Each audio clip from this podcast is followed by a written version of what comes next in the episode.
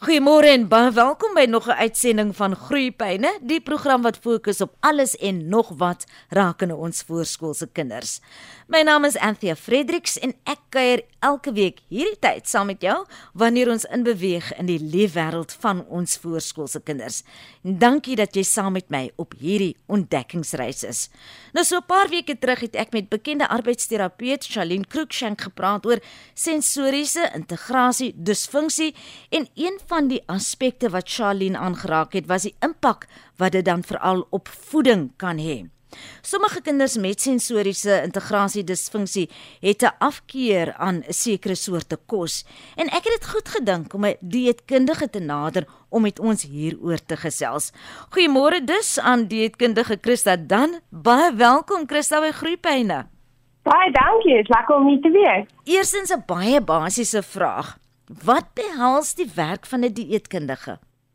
Jong, ja, baie keer as um, mense hoor ek vir die eetkundige dan probeer hulle altyd eerstens hulle kos weg. Ek hulle wil nie ek moet sien wat hulle eet op daai stadium nie. So mense is altyd 'n bietjie bang vir die eetkundige, reg? En dan die tweede ding is weet mense sal sê hulle sien net die eetkundige as hulle nodig het om gewig te verloor, wat glad nie die waarheid is nie. So die eetkundige het 'n baie baie veld voor in ons werk en baie van ons doen maar algemene goed. Jy weet ons sien meeste van die tyd mense wat sukkel met lewenstyl siektes soos diabetes en hoë cholesterol of as iemand gediagnoseer word met kanker, dan sien hulle soms die nodigheid om 'n dieetkundige te sien. So, ons werk baie keer met sieker mense wat dit toestande het wat met die dieet aangespreek moet word. Wat baie min mense besef is dat die dieetkundige kan spesialiseer in pediatrie. En dit is dan spesifiek gefokus op babas en kinders. En dit kan van neonatal ICU af strek weet as die babatjies baie vroeg gebore word en um, word die kindige ingeroep om daar in die hospitaal al 'n verskil te maak aan aan babas se groei. Is nie net die pediater en die en die susters wat so hard werk in die neonatal ICU nie die dieetkundige speel definitief daar ook 'n baie belangrike rol en dan natuurlik veral eerste keer mamas is baie keer bekommerd oor hulle baba se voeding en dit is nie altyd lekker seker wat waar en hoe nie en dan kan jy die ekendige daar ook raad gee. Pediaters is natuurlik baie goed opgelei en met min of meer 'n idee van voeding maar as baba sukkel met spesiale of spesifieke voedingsprobleme kan jy die ekendige reg waardevolle inligting daar gee. En dan een van my groot passies is uh, voedselallergie of voedselintoleransie. So, babas word baie keer sommer direk na geboorte gediagnoseer met 'n koeimelkallergie of 'n uh, soja-allergie of wat ook al of as babas begin vaste kos eet, dan tel hulle ook soms probleme op en daar kan ek ook 'n groot verskil maak. So ja, net 'n bietjie agtergrond van wat ons eintlik kan doen. Ek sal baie graag met jou wil gesels oor daardie belangstellingsveld van jou voedselallergie en voedselintoleransie veral wanneer dit kom by ons kinders. Christa van baie kinders van ons kinders is puntenerige eters, jy weet, en ons as ouers hmm. moet ingesteld wees op hulle voorkeure en hulle afkeure wat kos aanbetref. Is dit 'n ding wat instinktief is want jy sien met sommige babas as jy hulle iets gee om te eet en dan trek daai gesiggie en ek hou nie daarvan nie. Mm -hmm. Ja. ja, dit het met 'n paar goedjies te doen. So dit kan wees dat dit 'n tekstuurprobleem is, um, waar die arbeidsterapeut dan natuurlik baie belangrik is. So dit kan daai sensoriese integrasie probleem wees. En ons sien dit baie keer by kindertjies wat sukkel met voedselallergie. Dat dit juist die kosse is waarvoor hulle allergies is, waarvoor hulle dan gril of hulle neus optrek. Snaaks vinnig. Partykeer is dit net weet dat 'n baba te vroeg of te laat aan 'n sekere tekstuur of 'n sekere smaak blootgestel word wat dan maak dat hulle 'n kieskeurige etertjie is. Maar meeste van die tyd in my praktyk sien ek wel dat dit iets te doen het met 'n sensoriese integrasieprobleem. En wat ek baie keer doen, die pediater sal die kinders na my verwys en sê hier is nog 'n probleem etertjie, help die ouers. My eerste vraag aan daai ouers is altyd, het jy al 'n arbeidsterapeut gesien? want die die kinderge kan planne maak maar as die baba weier om te eet dan sit ons met 'n groot probleem. So daar is hierdie holistiese benadering dan tot die probleem wanneer jy ja, as terapeute saamwerk. Ja, verseker. So ek verkies altyd om dan met die pediater te gesels, seker te maak daar is 'n arbeidsterapeut aan boord. As daar nie iemand is nie, sal ek die baba of die ouers verwys en dan verseker saam met die arbeidsterapeut werk om dan hierdie probleem aan te spreek. Christa, wat is van die mees algemene kwessies dan wat jy as dieetkundige sien wanneer dit kom by kinders met sensoriese probleme of sensoriese integrasie disfunksie? Ek voel altyd 'n bietjie asof ek 'n uh, psychic is as dit kom by hierdie kinders, want ek sal baie keer vir die ouers vra, "So, eet jou kind net arbeid jogurt en Vienna?" En dan is hulle baie verbaas want meeste van die tyd is die antwoord ja. ons sien dat daai profiel kindertjies het 'n sekere tipe tekstuur waarvan hulle hou. So dit is nie noodwendig 'n sekere smaak nie, dit gaan meer oor die tekstuur. So almal van hulle hou om een of ander rede van gladde arbei jogurt. Daar moet nie stukkies in wees nie en ons weet almal arbei jogurt is baie bland as ek 'n Engelse woord kan gebruik. So dit is nie 'n baie skerp smaak nie. So hulle almal is nogal lief vir dit. En dan om een of ander rede aan um, enige Vienna geprosesseerde tipe van borsie is ook vir hulle aanneemlik want dit gaan weer oor daai tekstuur. Dit as jy vir daai tipe kind 'n stuk boerebors aanbied, sal hulle afvat en gril en dit uitspoeg.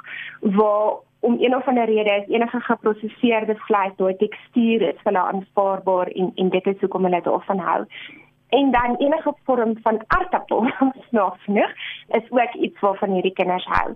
So daar's definitief 'n profiel en dit is hoekom ek altyd sê ons moet saam met 'n arbeidsterapeut werk wanneer ons hierdie goedjies aanspreek. Natuurlik heel dikwels wanneer ons kinders daardie tipe van voorkeure het, het sy hulle nou 'n uh, gesondheidsprobleem het al dan nie, miskien net 'n kind wat gesond is maar wat 'n sekere voorkeure het en dan net dit wil eet is ons dikwels ons antwoord as ouers dalk solank hulle net iets eet. Maar dit beteken ja. noodwendig dat dit hulle enigsins baat nie.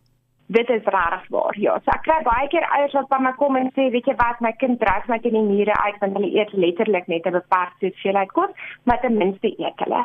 So dit is dan ook belangrik om dan 'n assessering van daai lyfie te doen om seker te maak presies wat aangaan met daai ouetjie. Baie keer is hulle ondergewig, nie erg ondergewig nie, maar as jy hulle weet hulle meet en weeg, dan kom jy agter hulle klein bietjie ondergewig vir hulle ouderdom. Die ander ding is dat hulle gewoonlik ouetjies is met lae spiertonus, so hulle sukkel om regop te sit, hulle sukkel om te fokus, hulle sukkel om bal te gooi en te vang. So daar is fisiese uitdagings ook vir daai leerders en baie keer is hulle slegte slapers ook. So al daai goedjies wys dan vir my as wetenskaplik dat al eet hulle kry hulle definitief nie die regte voedingswaarde in nie. So wat ek dan gewoonlik probeer doen van 'n dieetkundige oogpunt af is in plaas daarvan om hierdie kinders te forceer om nuwe goed te probeer want dit is gewoonlik baie moeilik. Hulle skop baie vas daarteen. Probeer ek saam met die ouers werk om te kyk hoe ons die kos wat hulle wel eet kan aanpas om dit meer voedingswaarde te gee. Byvoorbeeld, as hulle sinema mal is oor jogurt en 3 keer 'n dag jogurt eet, dan sal ek probeer om 'n multivitamiin poeier wat mens by jou plaaslike apteek kry, die multivitamiin poeier in die jogurt in te meng. Meeste van hierdie poeiers is smaakloos en kleurloos, so dit verander nie die smaak van die jogurt nie, maar die kind kry die multivitamiene in.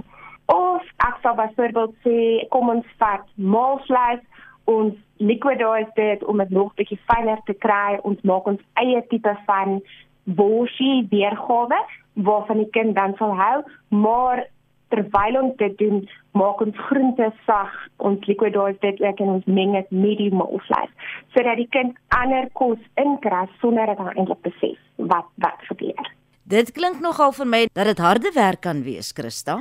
Dit is nogal en vir my is dit nogal belangrik om 'n pad saam met hierdie ouers te stap want hulle raak moedeloos. En ook omdat die dieetkundige altyd half laaste in die ry staan, kom hulle nogal by my uit wanneer hulle regtig desperaat is. So hulle teen daai tyd alles probeer. Hulle was by elke spesialis en die kind eet nog steeds nie. So dit is belangrik in in daai opsig om 'n pad met daai ouers te stap en om die ouers te ondersteun om te sê weet jy wat jy doen 'n goeie ding. Niks wat jy doen is verkeerd nie. Die rede hoekom jy kind eet is nie jou skuld nie. Daar's regtig ietsie fout met jou kind, maar ons kan dit beter maak as ons hande vat. So ek het ook al oor die 20 jaar wat ek al in praktyk is, weet resepte bymekaar gemaak en self resepte uitgedink wat ek graag met ouers deel sodat hulle kan sien hierdie goed is doenbaar. Dit is nie noodwendig maklik nie. Ek sê dit altyd vir hulle. Sê nie dis maklik nie, maar dit is doenbaar. So dit is 'n pad wat geloop kan word. Kan 'n kind dan met 'n sensoriese integrasie disfunksie wat uiteindelik by jou uitkom wat die eet aanbetref en oor 'n periode van tyd kan daardie kind gewoond raak aan sekere teksture want een van die goed met sensoriese integrasie disfunksie is om verdraagsaamheid te skep teenoor sekere sensoriese aspekte wat jy die res van jou lewe mee gekonfronteer gaan word. Ja, so dit is hoekom dit so belangrik is om met saam met 'n arbeidsterapeut te werk. Byvoorbeeld, sien nou maar ons begin om die tekstuur van vleis aan te spreek. Dan sal ek gewoonlik vir ouers sê, "Oké, okay, ons gaan nie met hoender begin nie, want hoender is eintlik een van die moeilikste goed om te kou." Ek weet mense dink altyd dat hoender is 'n lekker sagte vleis, maar dit is nie. So ons begin gewoonlik met lamsvleis byvoorbeeld. En dan sal ek saam met die ouers sit en ons sal praat oor hoe ons dit gaan integreer in die kind se maaltydplanne en dan vat ons dit reg stap vir stap. En as ek agterkom kind voel oorweldig, dan sê ek okay, ons los dit eers weer vir 'n week. Ons probeer 'n week later weer. En weer mens mens moet heeltyd met die ouers en die arbeidsterapeut in kontak bly want die arbeidsterapeut kan van hulle kant af ook weet help om die kind sensories bietjie te stimuleer sodat hulle meer gemaklik is om sekere van hierdie kosse te probeer. Ook belangrik om te onthou dat baie van hierdie sensoriese kindertjies of net die gewone bietjie eaters soos wat ons hulle noem, is baie keer baie sensitief vir reuk. So jy kan nie verwag van 'n kind wat nog nooit in sy lewe mango geëet het om skielik mango eet nie of uh kujabo rol. Daai goed het verskriklike sterk reuke vir normale kinders. As ek dit aan aanhalingstekens kan sê.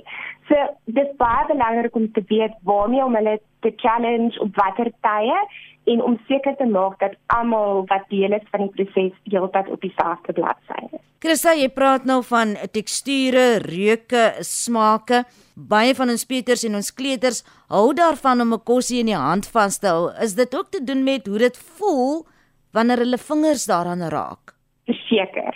So my kinders is nou al groot. Um, ek het graad 11 en 'n graad 9 seun en toe ek hulle leer eet het jare terug het ek maar die gewone ou manier gevolg. Weet van ons begin met 'n bietjie ryspap en dan as hulle dit gewoond is dan gaan ons van daar oor na saggekookte groente ensovoorts maar wat ek in in my tyd in die praktyk agtergekom het is dat daar 'n nuwe manier van leer eet is wat ons noem baby led weaning. En en mense kan gaan lees daaroor dis baie interessant. En ek gebruik dit nogal baie in my praktyk so dit is letterlik wanneer babas kan sit op hulle eie en begin nuuskierig raak oor kos. Dat ons vir hulle verskillende teksture en reuke en smake kos in hulle hand stop en dat hulle dit in hulle mond trek. Want daai koneksie van hoe iets voel en hoe dit ruik en hoe dit proe en die sensasie in my hand asook die sensasie in my mond is baie belangrik. En ek vind dat kindertjies wat op daai manier begin leer eet, baie minder sukkel met sensoriese probleme as oudjies wat vandag eendag gebombardeer word met saggemaakte kos.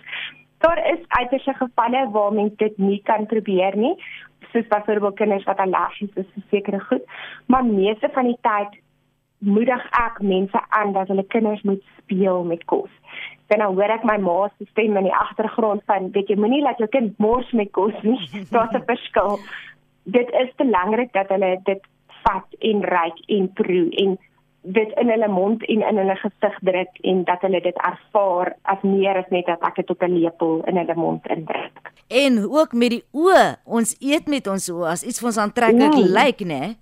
Ja, verseker, verseker en dit ek het dit al so baie beleef dat ouers skepties oor dit gaan my kind 'n stuk broccoli eet en as jy daai groen ding voor hom neersit is dit vir hom baie fascinerend en as hy dit nog nooit in sy lewe probeer het nie, weet hy nie wat om te verwag nie. So, dit is soms regtig lekker om te sien hoe daai lyfies die goed optel en voel en trek en in hulle mondjies druk en uitspoeg as dit nie lekker is nie, maar hulle hulle waag net soveel meer op daai manier van ontdek. En so gesels my gas vanoggend, dieetkundige Christa Dan Ons gesels oor kinders met sensoriese integrasie disfunksie, maar ook sommer 'n bietjie in die algemeen oor kieskeurige eters. Dis nou ons peters en ons kleuters en dan kinders wat spesiale aandag nodig het rakende hulle dieet.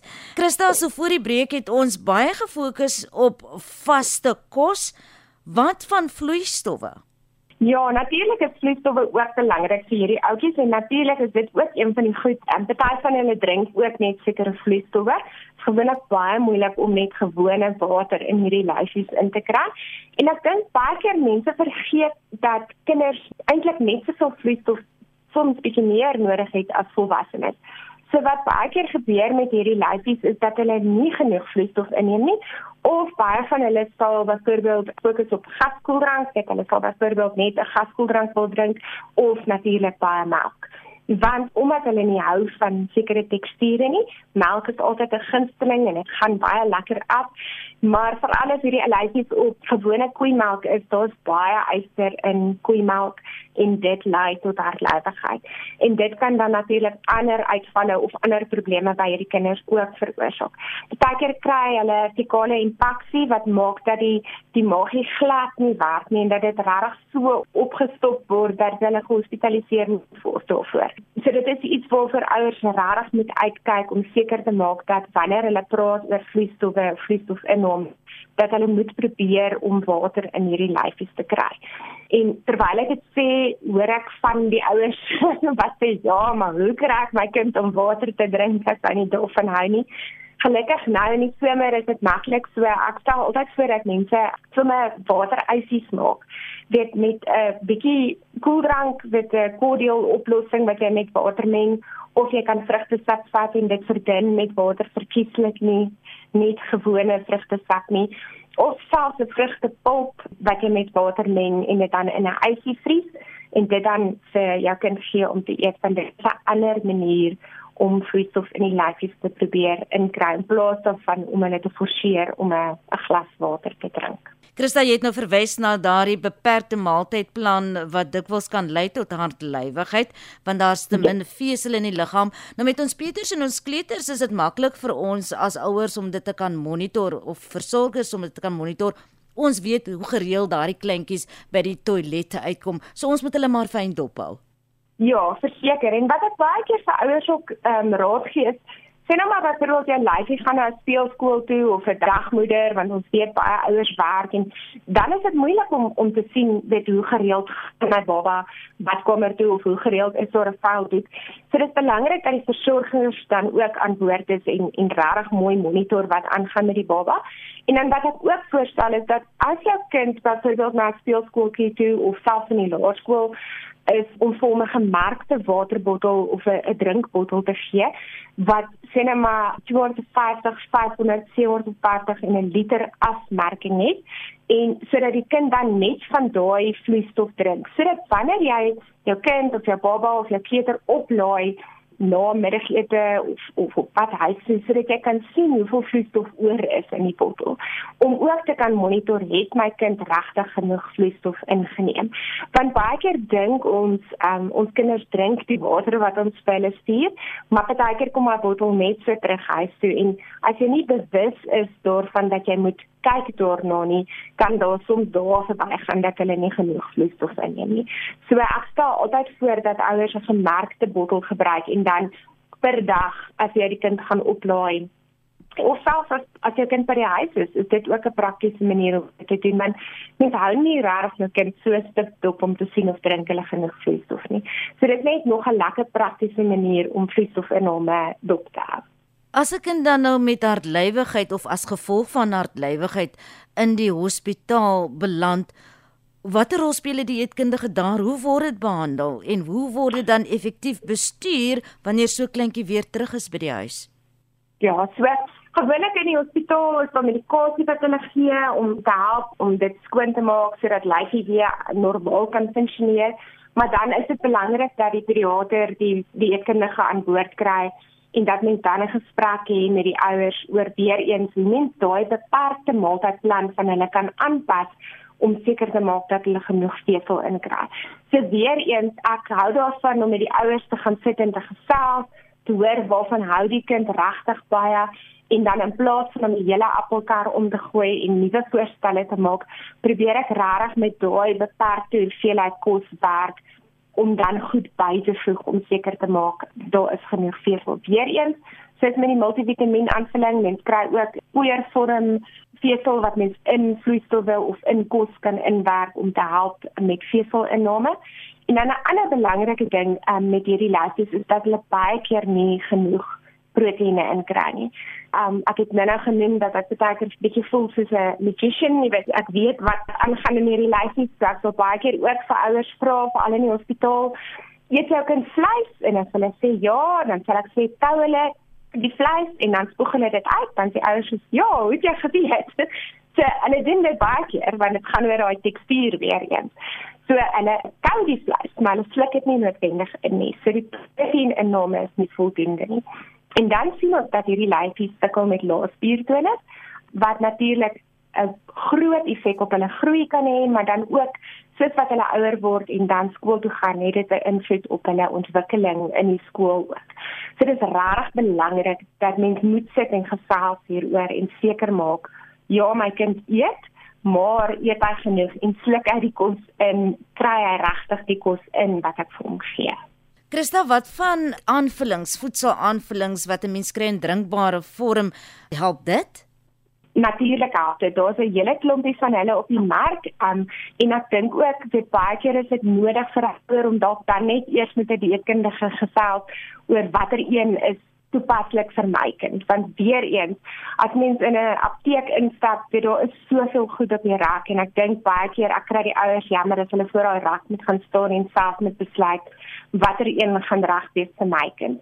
So dit is belangrik weer eens om om agter te kom hoe lyk die lyfie se maaltydplan op die oomblik en dan waar kan ek aanvullings gebruik in vloeibare vorm om die dieet aan te help. Dit is baie belangrik om te onthou dat dit 'n aanvulling is en jy nie regtig jou kind op 'n vloeibare dieet wil sit nie, want dan gaan hulle verleer om te eet en ons sit net met 'n groter probleem op die ouen. So dis regtig jy moet daar goed gebruik as 'n aanvulling om die maaltydplan wat hulle het te ondersteun. En wat wel gebeur in baie van hierdie lyfies se geval is wanneer die terapie van die arbeidsterapeut begin om 'n verskil te maak en ons meer met die maaltydplan kan rondspeel en meer teksture en geure en kleure en smake kan invul, dan sien ons dat hulle eetlus actually optel en dat hulle dan meer begin eet as voorheen. En dan raak die aanvulling baie keer oorbodig en dit is nie meer nodig om dit te gebruik nie. Maar in sekere gevalle veral as lyfies sukkel met te min voedstofinname en te min vesel is daar aanvullings baie belangrik. Hier is daar natuurlik ook baie voordele vir ouers van kinders met eh, sulke tipe uitdagings met sensoriese integrasie disfunksie en dan ook ander gesondheidsprobleme wat die dieet beïnvloed. Laat ons dan twee keer kyk na wat ons self in ons liggame toelaat, né? Nee. Verseker, ek kry baie keer ouers en ek natuurlik is dit vir my belangrik om met die ouers en die en die kleuters of die peters te gesels baie keer sou ouers vir my sê sien nodig as ek my kind saambring nie want hy's net 3. Ek sê nee, hulle verstaan baie mooi op daai ouderdom. En dan baie keer as ek met kleuter gesels en vra hoekom eet jy nie groente nie, dan is die antwoord van mamma of pappa eet nie groente nie. Ja, dit is belangrik weer eens dat die ouers aan boord moet wees en ek as ek as 'n dieetkundige insig probeer lewer oor wat die kind veronderstel is om te eet, dan moet die ouers inkoop daarin. En ek sê altyd vir die ouers, dis baie makliker om die hele gesin se maaltydplan aan te pas sodat die kinders kan sien elke my ouers eet dit so dit is hoekom ek dit ook moet eet of om groepsdruk ek hou nie van groepsdruk nie maar soms is dit 'n goeie ding as jou kind na 'n kleuterskool of 'n dagmoeder toe te gaan om daar sê net maar 'n nuwe geur of 'n nuwe smaak of 'n nuwe tekstuur in te bring saam met maatjies want dan is hulle baie keer meer geneig om dit te probeer want hulle sien o my maatjie probeer dit so ek gaan ook braaf genoeg wees om dit te probeer. So die rol van die gesin is baie belangrik en vir al die pappas. Ek weet ons Afrikaanse mans is baie lief vir 'n braaivleis, maar soms is dit nodig maar 'n bietjie groente saam met daai steak op die bord te sit net om seker te maak dat my kind sien dit is nodig om dit in te neem. warm groente is hulle groot probleem. Hulle verkies baie keer koue goed, maar tamatie is mos maar 'n interessante tekstuur op sy eie. So dit as hulle sien pappa is braaf genoeg om slaai te eet, dan kan ek dit ook probeer. en so gesels my gas vanoggend dieetkundige Christa dan. Christa baie baie dankie vir 'n baie lekker gesprek en al die insigte wat jy vanoggend met ons gedeel het. Baie dankie, dit was lekker om met jou te gesels en ja, gesels graag weer met jou. Nou ja, indien jy weer na ons gesprek vanoggend wil luister, kan jy dit van ons webwerf later vandag aflaai, erisg.co.za, dis nou ons pot gooi. En daarmee het groetheid aangebreek. Onthou ons afspraak volgende week, dieselfde tyd, dieselfde plek. Van my Anthea Fredericks. Mooi bly, tot dan.